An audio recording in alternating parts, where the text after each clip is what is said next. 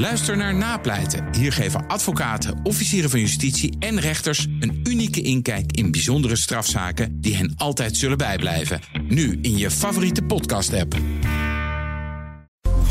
BNR Beurs wordt mede mogelijk gemaakt door Bridge Fund. Make money smile. BNR Nieuwsradio. BNR Beurs. Wesley Weerts, Jelle Maasbach. Goed dat je luistert. Wat nou Blue Monday? De zon scheen, er is heel veel beursnieuws en het is Martine Monday. Welkom op deze maandag 15 januari. Ja, want Martine Afkamp is er van Vintessa Vermogensbeheer. Op de dag dat de AX 0,3% lager sloot, onder de 780 punten. En beleggers schrokken van een opmerking van een Oostenrijker. We gaan het zo hebben over Apple. There are mounting signs that Apple is under pressure in China. On Monday, its website in the country showed that it was doing discounts. En korting geven, dat is juist iets dat Apple niet doet. Je hoort het zo. Maar we beginnen bij die Oostenrijker. Want die had een teleurstellend bericht voor beleggers die hopen op een snelle renteverlaging. Die renteverlaging komt er mogelijk dit hele jaar niet. Dus geen verlaging in 2024. Waarschuwt ECB-bestuurder Robert Holzman.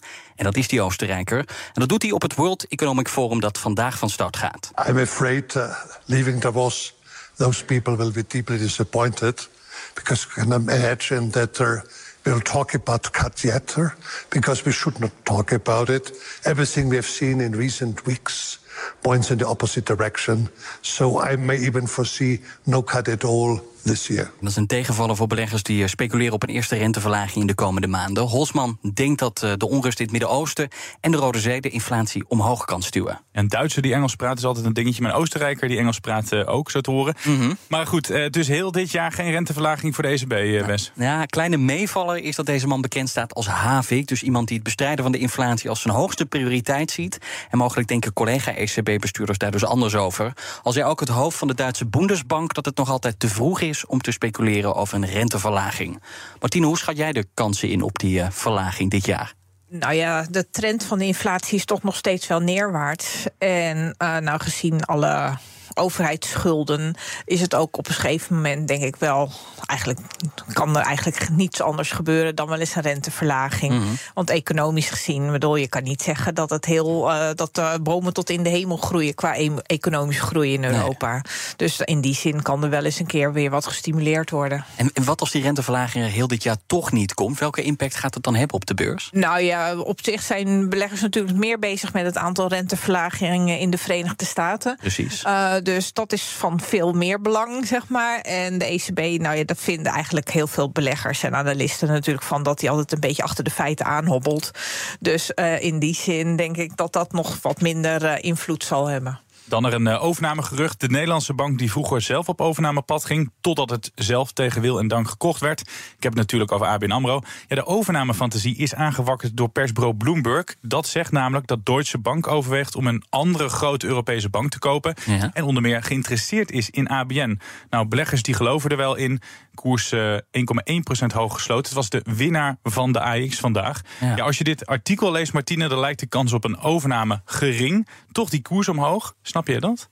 Ja, nou, kijk, het zijn overnamespeculaties die vinden altijd plaats. Uh, nou is natuurlijk het track record in die zin van ABN AMRO niet zo heel gunstig... als we naar het verleden kijken, zeg maar. Uh, maar je ziet wel dat de toezichthouder, uh, Europees gezien... ook wel meer geneigd is om toestemming te geven... van uh, pan, zeg maar, pan-Europese ja. overnames. Dus in die zin zou het kunnen.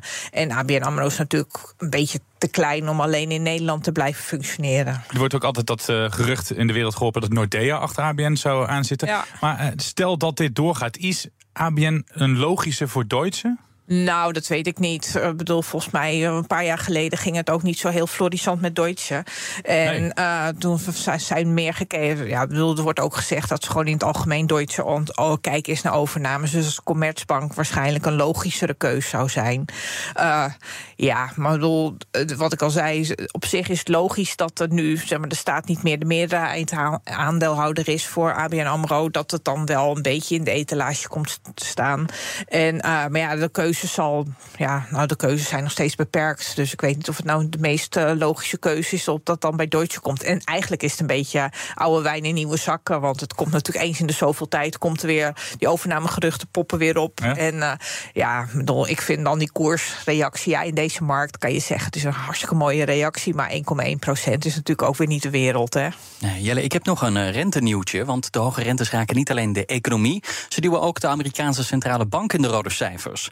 Die leed de afgelopen jaar een recordverlies van 114 miljard dollar tegenover een winst van tientallen miljarden het jaar daarvoor.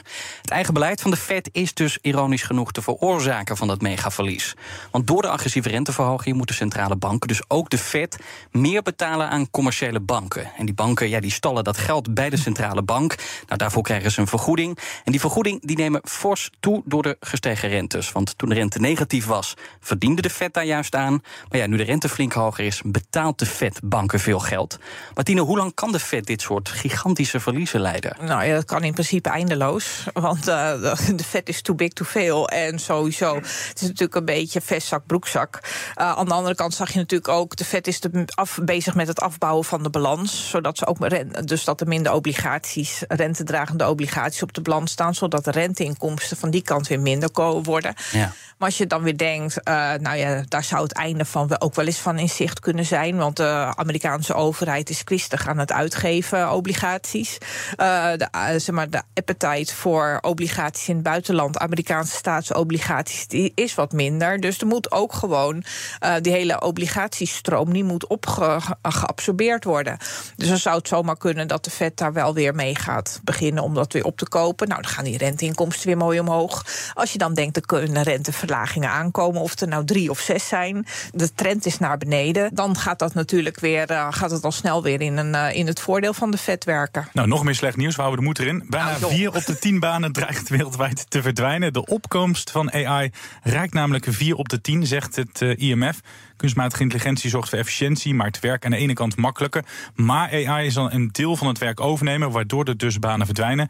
Lonen zullen verder onder druk komen te staan en de kans op ongelijkheid zal toenemen, vreest het IMF. Maar landen kunnen zich alvast gaan voorbereiden, zeggen ze. Vangnetten opzetten en bijvoorbeeld omscholing aanbieden voor de mensen waarvan de banen makkelijk overgenomen worden door AI. Je hoort zo waarom de presidentsverkiezingen in Taiwan heel erg belangrijk zijn voor jou als belegger. We beginnen met Apple. Dat werkt verbazing met kortingen die het uitdeelt in China. Vanaf donderdag tot en met zondag hoeven klanten tientjes minder te betalen voor producten. Waaronder voor de iPhone en ook op het meest dure model, de 15 Pro Max. Het gebeurt wel eens dat andere winkeliers hun Apple-producten met korting verkopen. Maar Apple, die het zelf doet, ja, dat is eh, best wel zeldzaam. Mhm. Waarom nu ineens, uh, Martine? Uh, nou, ze hebben het in 2022 eerder gedaan. En toen was de arg het argument van dat ze voorraadafbouw gingen doen. Want omdat ze niet zoveel hadden verkocht door de lockdowns in China. Uh, nu doen ze het dan in het kader soort Amazon Prime dagen, maar dan in uh, China, ja. zeg maar. Vooruitlopend op het Chinese nieuwjaar. nou ja, ze zullen zeggen, nou, de Apple-verkopen staan een beetje onder druk in China. En dus, nou ja, daar zullen ze dan nog wat aan willen doen. Een beetje Tesla à la Tesla, zeg maar. Dus gewoon de prijs een beetje verlagen is natuurlijk op zich staat Apple een beetje onder druk, omdat veel uh, bedrijven en ook overhe overheidsinstanties natuurlijk hun medewerkers min of meer verbieden om met een Apple uh, te werken. En natuurlijk uh, Xiaomi en Huawei, die hebben ook hele mooie telefoons. Dus ze zijn in die zin niet meer de marktleider. Maar ja, aan de andere kant kan je ook zeggen, natuurlijk, als je zoveel telefoons al verkocht hebt, je kan niet zo blijven groeien. Nee. Dat gaat ook niet. Maar toch het beeld wat hier blijft hangen, helemaal omdat het echt een zeldzaamheid is dat ze kortingen uitdelen, is dat ze er zwak voor staan. Nou, dat denk ik weer niet. Dat zie je ook natuurlijk niet echt terug in de koers van het aandeel. Maar vorig jaar 3% minder iPhones verkocht. Ja, ja. En in januari, de eerste week van januari, waren het er nog veel minder. Was ja. 13% minder. Dus in die zin denk je, oh jeetje, wat gebeurt er nu? Maar ja, aan de andere kant, als je ziet van uh, voor de langere termijn, denken, denken analisten ook, en dat zie je ook eigenlijk wel weer terug in de koers, dat zeg maar, die verkopen wel weer aantrekken. En het is natuurlijk ook Apple inmiddels ook niet meer te doen, eigenlijk alleen om het verkoop van de iPhone. Ze zijn natuurlijk veel meer een fintech-bedrijf aan het uh, worden. Uh, die Apple Store, uh, de App Store, die draait natuurlijk als een tierenlier. Want hoe je het nou went of keert, ze staan een beetje onder druk met rechtszaken.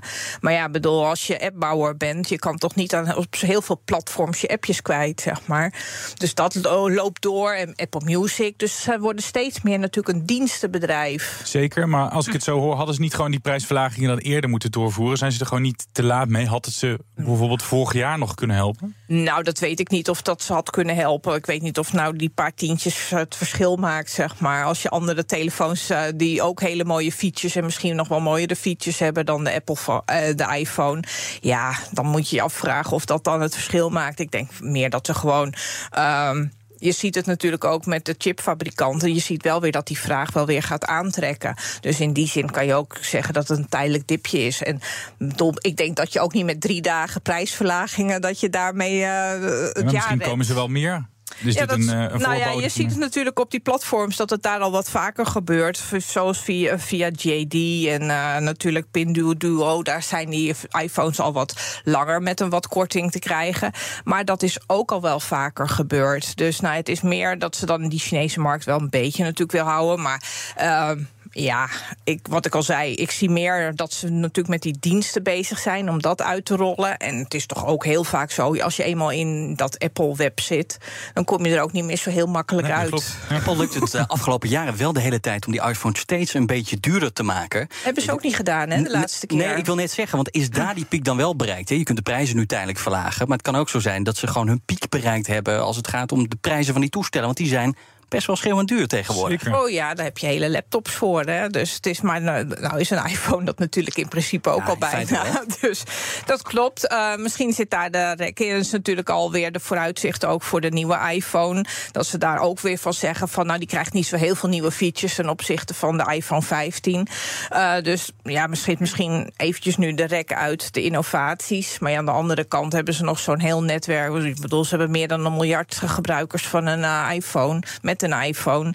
Dus ja, en als je dan je diensten kan uitrollen en dus je fintech, dat je via Master, zeg maar, ze verdienen net zoveel of ze hebben net zoveel transacties als Mastercard heeft. Dus ja, dat zegt wel iets.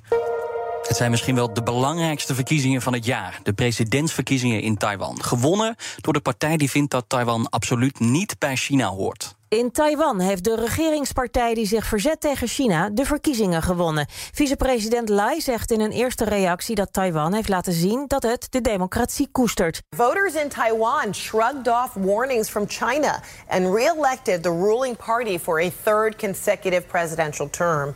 It's a vote that could have major consequences. In his acceptance speech, he said he is determined to safeguard Taiwan from continuing threat and intimidation from China. De DPP, de Democratische Progressieve Partij, wint met ruim 40% van de stemmen. En Lai Ching-te, de huidige vicepresident, wordt nu de president van Taiwan. En dat de China-kritische partij de verkiezingen wint, kan de spanningen tussen China en Taiwan vergroten. En dat voorzag jij al een klein beetje, Martine, want jij noemde die Taiwanese verkiezingen eerder als gebeurtenis die de beurs dit jaar in beweging kan zetten. Waarom zijn die presidentsverkiezingen zo belangrijk voor beleggers? Nou, in Taiwan heb je iets als TSMC. En dat is nogal belangrijk natuurlijk voor de hele wereld. De chipreus. De chipreus. Uh, dat is natuurlijk het, eigenlijk het hele bela allerbelangrijkste. Bovendien heb je natuurlijk nog Amerika die zegt van dat ze Taiwan altijd militair zullen ondersteunen. Mocht het uh, iets zijn, uh, mocht China heel uh, kwaadwillend worden. Um, dus dat zijn nog wel twee hele belangrijke factoren. Als je dan ook hebt de Zuid-Chinese Zee, die wordt wel redelijk door de Chinese marine gedomineerd. Daar gaat heel veel maritiem olietransport door, heel veel LNG-transport. Ja. Dus het heeft allemaal nogal ver. Het kan allemaal heel vergaande consequenties hebben. En wat betekent deze aanslag voor de beurs? Nou ja, voorlopig even niks. Hè. Vandaag is natuurlijk Amerika dicht en China was ook, eigenlijk ook heel gematigd in de reactie. Uh, dat is dan ook weer omdat natuurlijk uh, die DPP niet de absolute meerderheid heeft. Dus dat ze wel echt, dat je daar ziet dat er eigenlijk in het parlement dan dat er iets meer een gematigdere koers waarschijnlijk gevaren gaat worden. En ze moeten water bij de wijn doen. Ja, en het is natuurlijk, maar ja, China heeft ook al wel gezegd natuurlijk dat een aansluiting van Taiwan onvermijdelijk is. Dus ja, er wordt wel harde taal gebezigd in in die zin. Dus, maar op vandaag had het dan niet echt ontzettende invloed op de beurs. Nee, experts waarschuwen ook dat die spanningen kunnen toenemen tussen, tussen. Wat kun je daar als belegger van gaan merken? Je noemde het TSMC al. Ja, natuurlijk. Nou ja, dat ligt er dus aan hoe die spanningen uh, uit gaan werken. Wat, wat ik net zei, er zijn een aantal factoren die, dat is heel, eh, die heel belangrijk zijn en die ver, verdergaande consequenties kunnen hebben. Uh, maar ja, op zich heb je natuurlijk al de, zeg maar, de, de, je hebt de chipoorlog, of eigenlijk de technologieoorlog al tussen de Verenigde Staten en China. Dus in die zin uh, zal dat allemaal niet zo heel erg veranderen. Je krijgt natuurlijk ook nog presidentsverkiezingen in de Verenigde Staten, die nog wel eens van dat er een andere koers gevaren kan worden. Maar ja, ik bedoel, geen, eigenlijk zoals de Verenigde Staten heeft natuurlijk Taiwan ook nog nooit als land erkend. Alleen ze zeggen wel, we gaan het wel ondersteunen. Nou, mhm. mevrouw Pelosi is er ook geweest. Kijk, dat soort dingen werkt allemaal niet bij aan een hele gezellige, ontspannen sfeer, zeg maar. Nee, wat ook niet helpt, is dat de VS uh, uh, Lai heeft gefeliciteerd met de overwinning. Ja, was ook niet iedereen heel blij nee, want China zei, serieus fout signaal, zegt, ja. zegt China. Ja. Die, die, die, rol van de VS, hoe, hoe ziet die eruit? Je zei dat al een klein beetje. Wanneer er echt stondende knikker is, dan, eh, dan helpen ze. Hebben, nou, ze hebben gezegd dat ze het uh, militair zullen ondersteunen. Maar ja, aan de andere kant, uh, bedoel, er gebeurt natuurlijk nog wel heel veel in de loop van dit jaar. En we hebben nog een paar andere dingetjes. Hè. We hebben nog Oekraïne wat nog steeds loopt. We hebben conflict in het Midden-Oosten. Uh, dus als ja, Verenigde Staten kan ook niet op alle borden tegelijk schaken. En qua maritiem is China gewoon in die Zuid-Chinese zee vele malen sterker.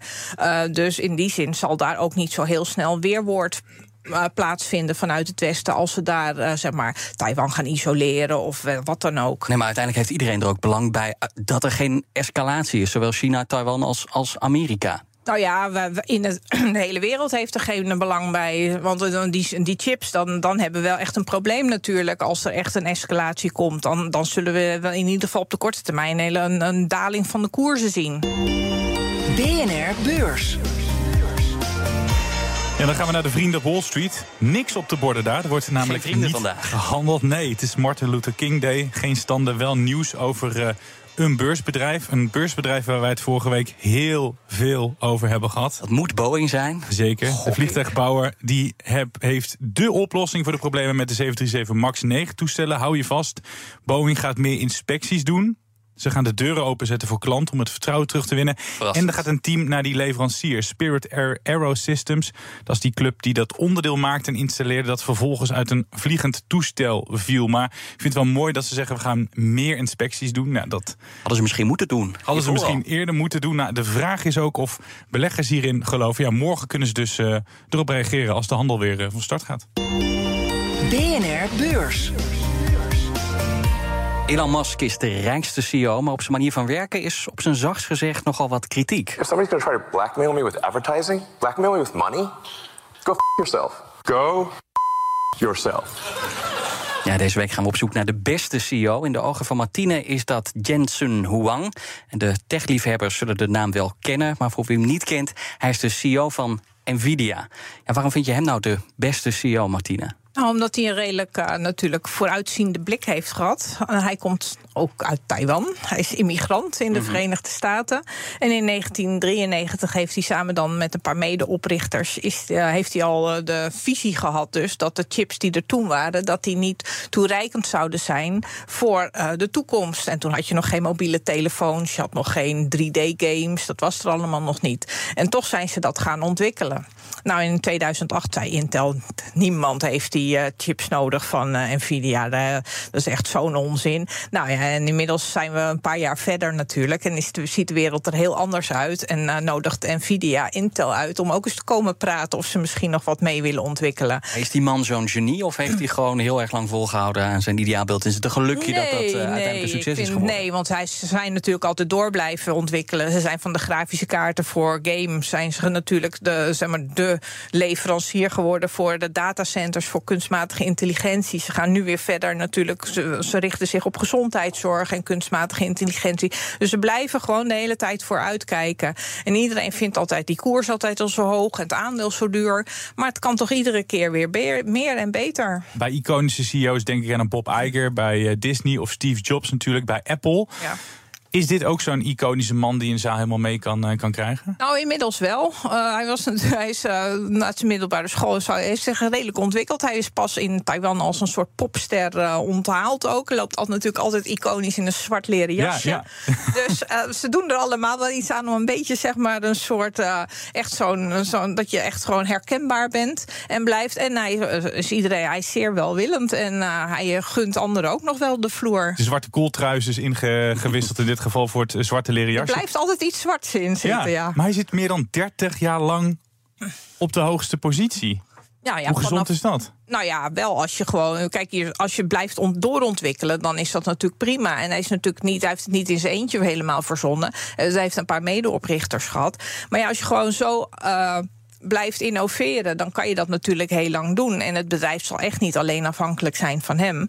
Maar het is natuurlijk wel fijn, natuurlijk, dat houden, daar houden beleggers ook altijd wel een beetje van, van een beetje continuïteit. Mm En nou is Musk een beetje een ongeleid projectiel. Wat kan deze man van Nvidia beter doen? Nou, dat weet ik niet zo. Jij bent zo'n fan, Martine. Nou, er moet toch ook wel iets zijn wat hij niet goed doet? Nee, zo, nou, ik, ik denk dat hij gewoon het prima doet. En ik vind het juist heel grappig dat hij van... Uh, kijk, hij komt van een school van moeilijk lerende kinderen... en dan moest hij, uh, zeg maar, zijn dagelijkse taak was het schoonmaken van badkamers. Dus hij heeft ook gewoon uh, met zijn...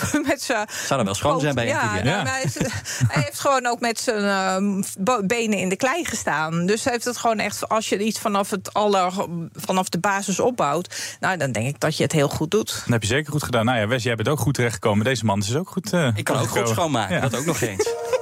Afgelopen vrijdag was het al even zover. Amerikaanse banken trapten het cijferseizoen af. Morgen zet zich dat voort. Collega Maxime van Meel, die praat je bij. Goldman Sachs en Morgan Stanley laten weten hoe het laatste kwartaal van het jaar is verlopen. Vorige week gingen verschillende banken hen al voor. Daar valt vrij lastig een voorspelling op te baseren, want de een kende een veel beter jaar dan de ander. Morgan Stanley zal hopen op een goed resultaat, want die kregen vorige week nog een boete van een kwart miljard dollar opgelegd in een fraudezaak. Maar eerst komen er nog cijfers van eigen bodem. Die krijg je van Fastnet. Hun laadstations staan dan misschien langs de snelweg. Maar bij de groei is het gaspedaal flink ingetrapt. Voorgaand kwartaal waren ze nog goed voor een miljoen laadsessies. En kreeg het ook miljoenen euro's aan investeringen om hun netwerk uit te breiden en sneller te maken. De vraag is, kunnen ze aan die belofte voldoen? Dit was de BNR-beurs van maandag 15 januari, waarin we het hadden over BBB. En nee, niet de partij, maar over Boeing, banken en bang voor escalatie. En die laatste die moesten we een beetje verzinnen. Het gaat natuurlijk over Taiwan, maar dat begon niet met een B, dus vandaag. Bang waren we even dat Martine ingesneeuwd was, maar gelukkig is ze hierheen gereden. Martine Afkamp van Vitesse Vermogensmeer, goed dat je er weer was. En wij zijn er eh, morgen weer. Tot morgen. BNR-beurs wordt mede mogelijk gemaakt door Bridge Fund. Make money smile. Ook Liesbeth Staats vind je in de BNR-app. Ja, heel handig. Luister live naar Kees en mij tijdens de Daily Move. Dan blijf je ook gelijk op de hoogte van breaking news en het laatste zakelijke nieuws. En daar vind je ook alle BNR-podcasts, waaronder de Perestrooikast. Download nu de gratis BNR-app en blijf scherp.